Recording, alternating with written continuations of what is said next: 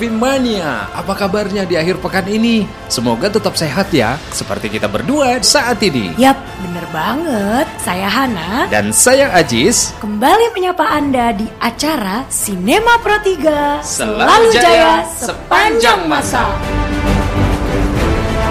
Seperti biasa, kami menyampaikan info seputar dunia perfilman di tanah air dan mancanegara, referensi film yang tayang pekan ini, serta film kenangan yang sayang dilupakan. Dan hari ini kami sudah siapkan beberapa judul.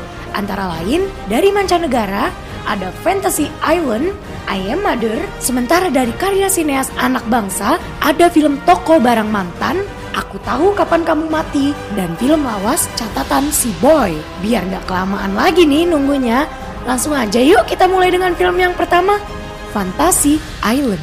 Congratulations to each of you on winning the contest, and welcome to Fantasy Island. So, what's your fantasy? The island tailors each fantasy specifically to the guest. Your life is about to change forever. I hope you're ready. How the island does what it does is a mystery. They brought her back to life. So, what's your fantasy? Revenge on a childhood bully. The most popular girl in school was my tormentor. Let's have some fun. Oh my god, that's really her. This is not what I meant! The island is twisting our fantasies. We were brought here to be a part of something else. Once a fantasy begins, you must see it through.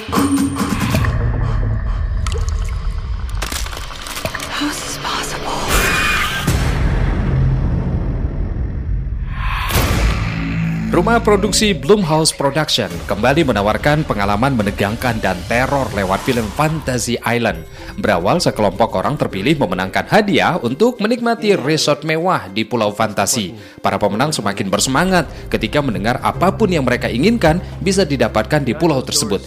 Hanya satu hal yang tidak ada di pulau itu, sinyal telekomunikasi. Pihak Pulau Fantasi mengatakan pengalaman berlibur akan berbeda-beda, yaitu tergantung dengan fantasi dan keinginan masing-masing pemenang yang datang berkunjung. Namun, setelah berada di pulau itu, pengalaman aneh pun mulai terjadi dan dirasakan para pengunjung. Film ini juga sudah rilis sejak 12 Februari yang lalu Movie Mania.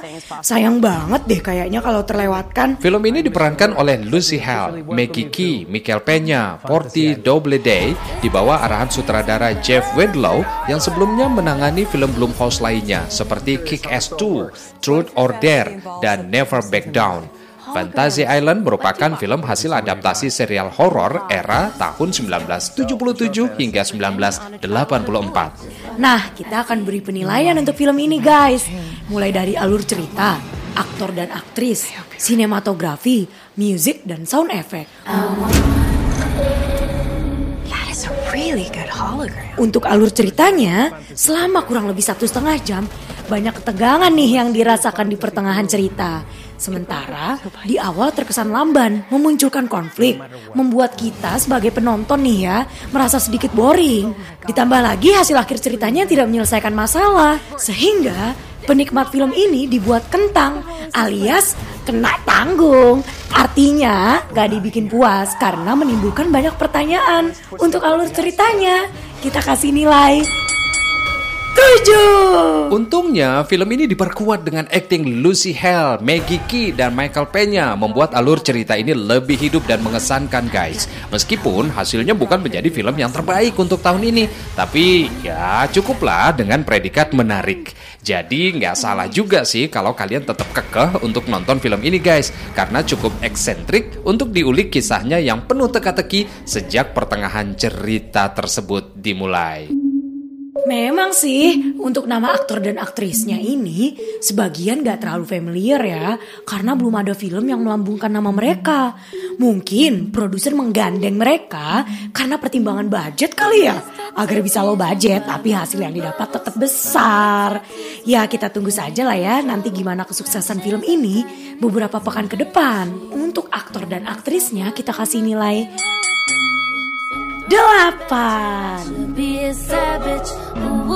Sinematografi kita mau kasih nilai 9. Guys, film ini menampilkan pemandangan keren loh, sesuai dengan judulnya juga sih, Fantasy Island. Tentu dipilih lokasi syuting yang menakjubkan, yaitu Pulau Fiji yang terkenal akan keindahannya.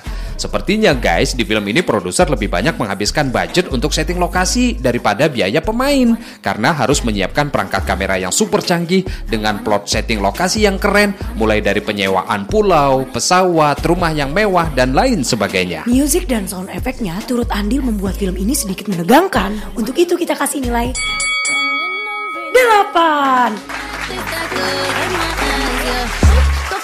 Nah guys, itu tadi nih film Fantasy Island yang masih tayang di bioskop-bioskop kesayangan Movie Mania. Jangan lupa ya nonton.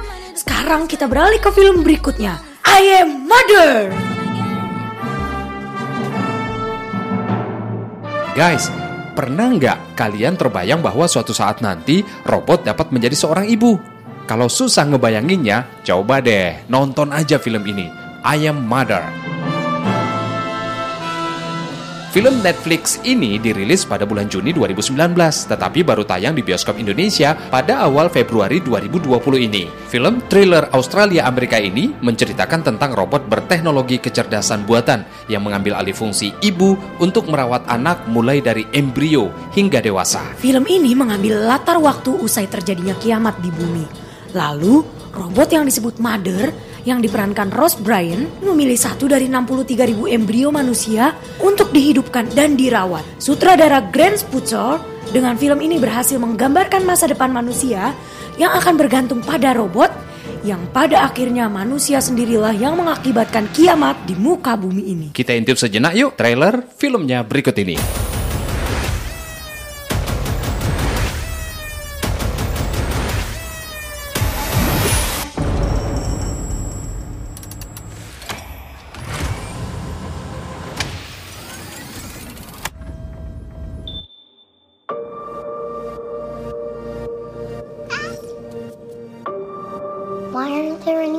Mother. There used to be. Then why did you only make one? Mothers need time to learn. This facility was designed to give humanity a second chance. One that began with you. Daughter. The path will not be easy. The world outside is lifeless. But I made you into the woman that you are so that we could do this together.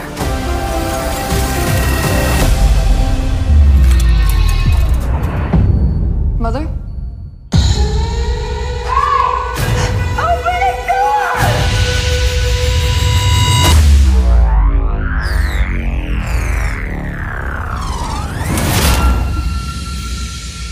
How are you unaffected by the contagion outside?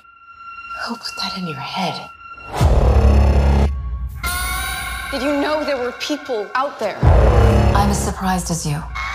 There's a droid here. Mother's not what you think. She's taken care of me my whole life. You haven't seen what they've done. Not mother. I told you it was dangerous outside. I hope you see that I'm different than her assailants thing feels nothing for you. You don't belong here.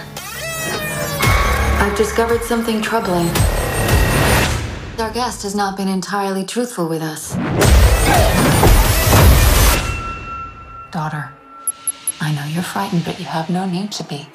Have I ever done you harm? It's just a matter of time. This woman doesn't care about any future but her own. Her own. She's very dangerous. dangerous. I'm never gonna hurt you. Hurt you. She's a risk we can't take. We can't take. We have to go now. Now. Trust me. Trust me. Trust me. Daughter, your whole life I've taught you to see the bigger picture.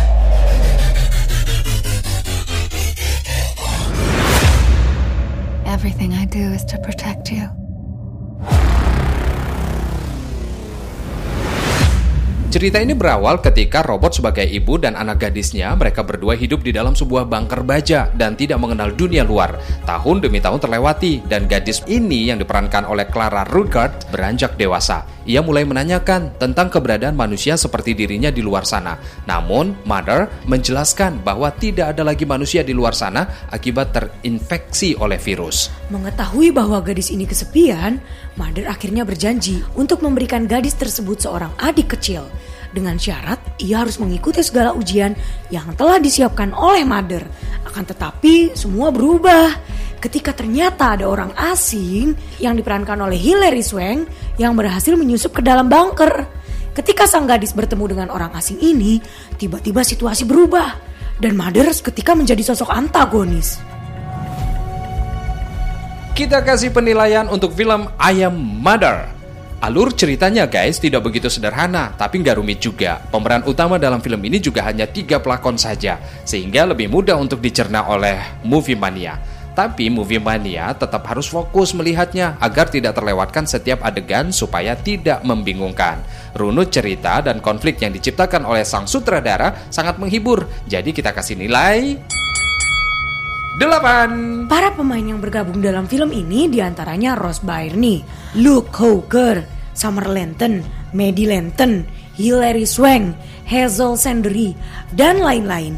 Sangat paham untuk membangun emosi penonton. Sesuai dengan peran masing-masing, film ini jadi satu kesatuan yang utuh untuk menghibur, mengedukasi, dan membuat penonton terkesima dengan tiap adegan yang ditampilkan.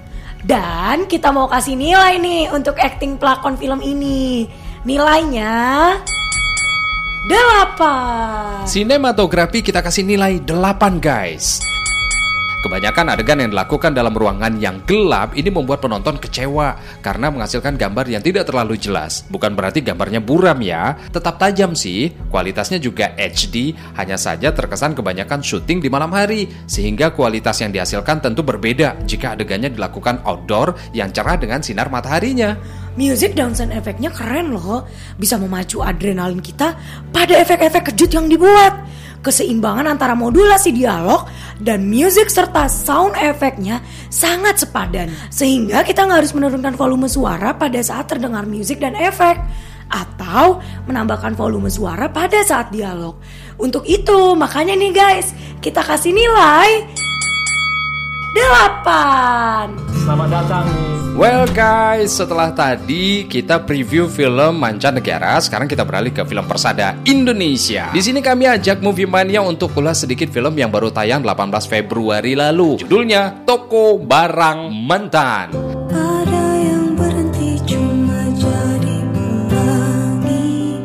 Aktor Reza Rahadian bersama Marsha Timothy akan berperan dalam film bergenre drama komedi romantis ini. Banyak juga pemeran pendukung dan cameo yang tak kalah menarik perhatian seperti Shiva Haju, Niken Anjani, Stella Cornelia, Sarefa Danis, Empo Ati hingga Gading Martin. Kehadiran mereka memberi warna semarak, bukan sekedar tempelan. Toko barang mantan adalah toko jual beli barang-barang mantan bagi orang-orang yang ingin move on dari mantannya. Sebagai pencetus ide, pendiri dan pemiliknya, Tristan yang diperankan oleh Reza Rahardian, rela meninggalkan kuliah hukumnya demi bisa fokus mengembangkan toko ini bersama sahabatnya loh, yaitu Amel dan Rio.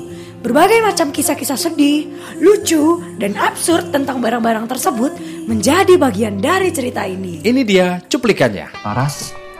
Hai Tris. Hai. Sejarah toko ini berdiri karena Mas Tristan jualin semua barang-barang mantannya. Di sini yang dijual bukan bedanya, sejarah juga dijual, Mas. Apa yang menarik coba sejarah dari sebuah sisil? Kok malah situ nanya? Mana saya tahu? Sisir-sisir situ. Gue tahu sih. Gue harus bikin toko ini bisa punya masa depan. Gue punya masa depan. Biar Laras tahu sekalian. Kamu emang pernah bilang cinta sama aku? Ulang lah, astaga. Ya udah kalau lo butuh masa depan lo jangan kerja di sini. Salah tempat lo. Lo nyanyi di kafe itu yang lo mau kan? Aku terurai. Seorang ayah itu butuh terus merasa berguna untuk anaknya. Gak enak banget rasanya. Kalau sesuatu yang kamu anggap besar gak ada artinya buat orang lain. Oh mau jual kak? Eh, yang mau dijual apa? Nih, mana aja kak? Banyak. Jadi tiket ini yang mau Iya. dijual. Udah dong Mas Tristan. Beli aja bukunya ya. Mau dijual berapa? Mahal nih, beli aja pakai yen. Ya pakai yen lah, masa pakai ringgit kan belinya di Jepang. Mas Tristan percaya nggak sama cinta? Sekarang datang-datang tiba-tiba ngomongin cinta, apa tai kucing lah cinta. Yang nggak suka kejutan tuh bukan cuma kamu Laras. Aku juga nggak suka kejutan. Tapi kan, paling tidak ada yang udah mendekat loh. Kamu gak lagi bahagia di atas kesedihan aku kan, Tris? Ya enggak lah, itu tadi cuma bercandaannya Amel sama Rio. Hidup aku bercandaan ya? Mau jual apa mas? Banyak. Sejarahnya gimana? Perlu diceritain. Oh iya, harus. Mudah-mudahan lu cepet move on. Cinta sejati bisa pecah tai kucing.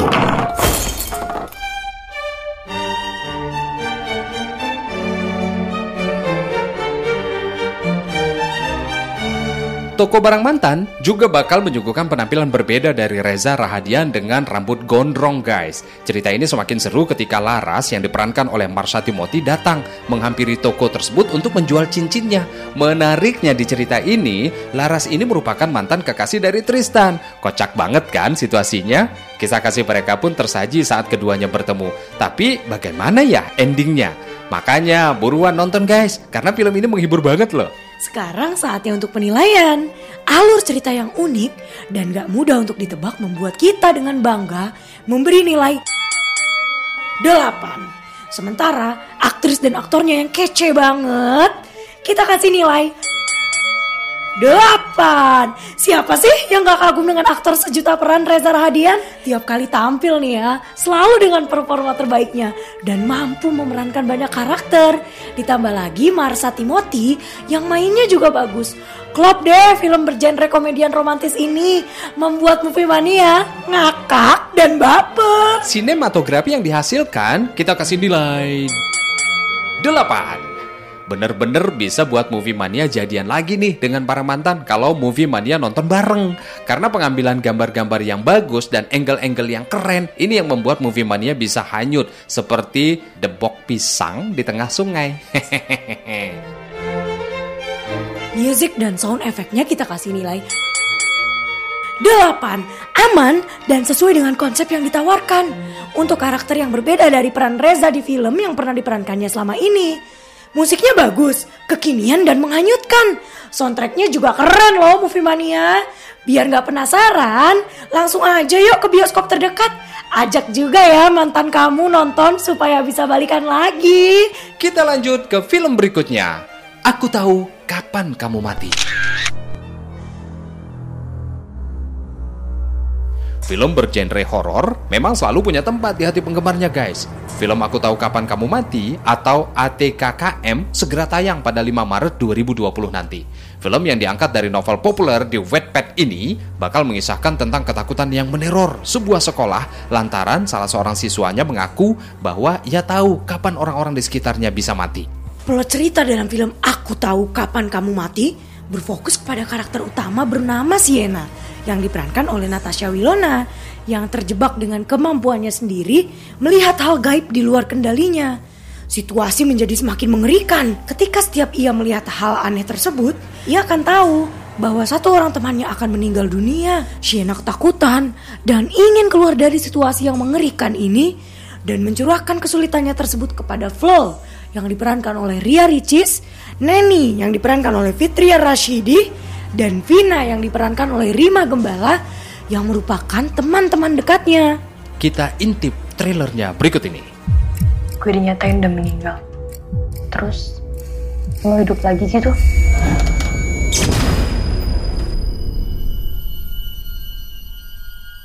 Gue mati suri.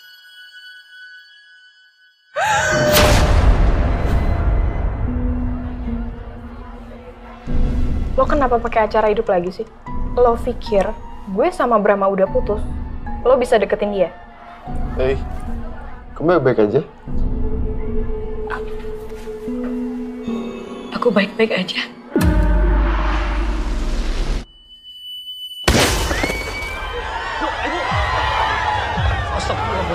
Jadi sebelum Aini bunuh diri, lu lihat dia nangis di toilet. Gue juga lihat sesuatu yang lain. Gue lihat hantu.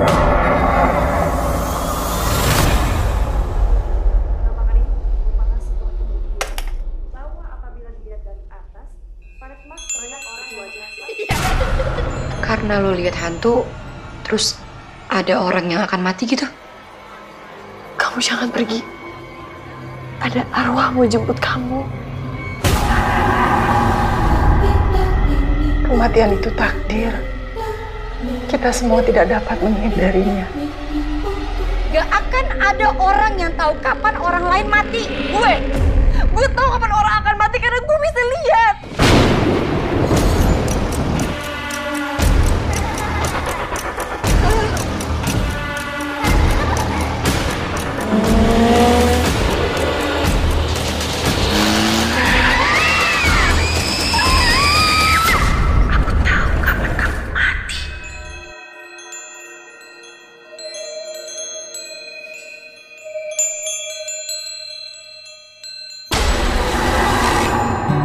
Kisah film yang mendebarkan ini patut kita kasih nilai 8 Karena kengerian seseorang yang punya kemampuan supranatural setelah mengalami mati suri Ini adalah plot utama cerita ini yang akan menggiring opini penonton Untuk merasakan seperti apa sih sebenarnya kalau kita menjadi manusia indigo bisa melihat alam gaib, makhluk halus, dan melihat masa depan, ini adalah sesuatu keadaan yang dilematis. Karena cerita ini penuh dengan tantangan, maka kita kasih nilai 8. Aktor dan aktrisnya meski terbilang jam terbangnya belum tinggi, tapi patut diapresiasi kemampuan akting pemainnya yang natural. Seperti Natasha Wilona, Al Ghazali, Ria Ricis, Fitria Rashidi, dan beberapa lainnya. Makanya nih Movie Mania kita mau kasih nilai 7. Sinematografinya cukup sukses menggait penonton untuk melirik trailer film ini guys. Membuktikan bahwa kualitas visual yang dihasilkan cukup bagus dan sebanding dengan hasil yang didapat. Sampai saat ini kabarnya lebih dari 2 juta movie mania yang menonton trailernya ini. Nah untuk itu kita kasih nilai 8. Music dan sound efeknya kita kasih nilai 8. Cukup mendebarkan dan memacu adrenalin kita untuk mengamati jalannya cerita dengan saksama sepanjang durasi berjalan. Efek yang bagus membuat film ini satu langkah lebih baik dibanding film-film lokal lainnya, terutama yang bergenre horor. Tidak terkesan dipaksakan atau lebay. Kita sampai sekarang pada film lawas yang sayang dilupakan. Catatan Si Boy.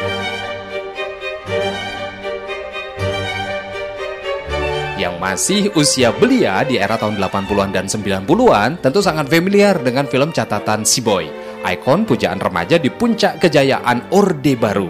Film ini mengisahkan tentang seorang pemuda kaya raya, putra pengusaha sukses, memiliki banyak kawan, dan digilai oleh banyak perempuan.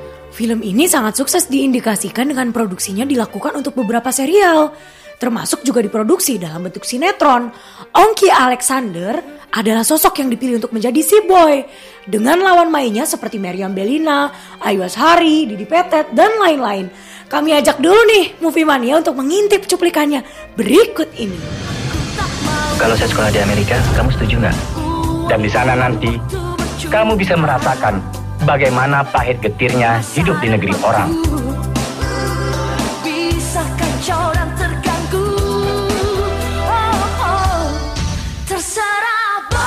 Kamu harus realistis, Fer. Si Boy kan cuma manusia biasa. Vera, kita hidup gak harus selalu mementingkan diri sendiri. Kadang kita harus buktikan bahwa diri kita adalah bagian dari masyarakat.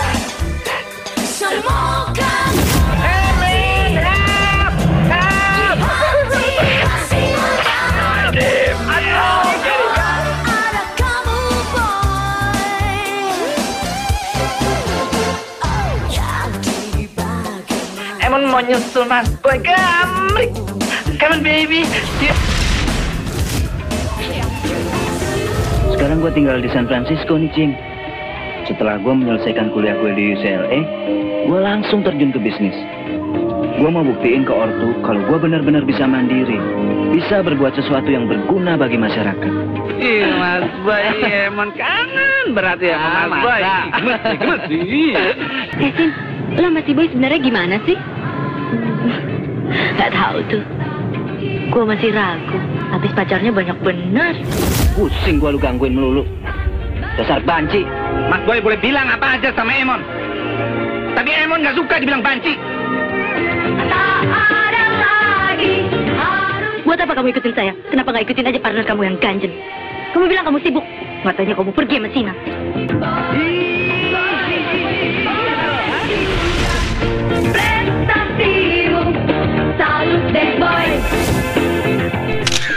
Saatnya kita kasih penilaian. Untuk alur cerita catatan si Boy, ini menawarkan cerita yang sangat dangkal guys. Konflik bermula, hubungan Boy yang gemar menulis catatan harian itu adalah ketika dirinya tidak mendapatkan restu dari orang tua untuk berpacaran dengan Nuke yang diperankan oleh Ayu Azhari. Nuke harus berpisah dengan Boy karena melanjutkan pendidikan ke London. Kepergian Nuke membuat Boy dekat dengan seorang wanita penghibur bernama Vera diperankan oleh Meriam Belina. Nah, jalinan cinta segitiga itu pun mulai memunculkan konflik. Karakter lain yang membuat film Boy terkenal adalah sosok Emon, lelaki kebanci-bancian diperankan aktor senior Didi Petet. Untuk itu, kita kasih nilai alur ceritanya Delapan. Aktor dan aktrisnya sudah tidak perlu lagi deh diragukan karena kualitas akting mereka seperti Meriam Bellina, Ayu Asari, Ongki Alexander, dan Didi Petet Suksesnya akting membuat euforia suksesnya film ini masih terasa sampai sekarang. Jadi kita kasih nilai 9. Sementara sinematografinya kita kasih nilai 6. Dimalumi ya Movie Mania. Perangkat kamera yang belum secanggih sekarang tentu menghasilkan kualitas gambar yang tidak terlalu bening dan bersih. Tapi kuatnya alur cerita yang membuat film ini booming banget di eranya. Untuk musik dan sound effect, kita mau kasih nilai 7. Musiknya ini juga cukup sukses guys untuk soundtracknya yang keren Tapi sound efeknya yang kurang mumpuni dikarenakan perangkat yang belum memadai Membuat kami harus berpuas diri untuk memberikan nilai 7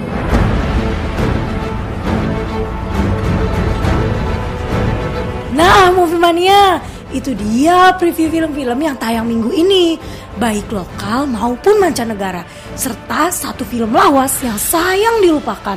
Sudah kami ulas bersama. Kami berharap salah satunya adalah film yang akan Movie Mania tonton untuk akhir pekan ini. Jangan lupa Movie Mania, minggu depan kami balik lagi untuk review film-film lainnya. Jadi jangan ketinggalan ya. Oh ya, kritik dan saran tetap kami tunggu nih di Instagram kami at RRI Programa 3. Tiganya angka ya guys. Bisa juga follow kami di HanaWJY dan at Aziz MC Wedding. Dengarkan juga siaran kami ini melalui streaming rri.co.id atau di Spotify-nya RRI Programa 3. Untuk hari ini kami pamit dulu nih Movie Mania. Sampai ketemu Sabtu mendatang.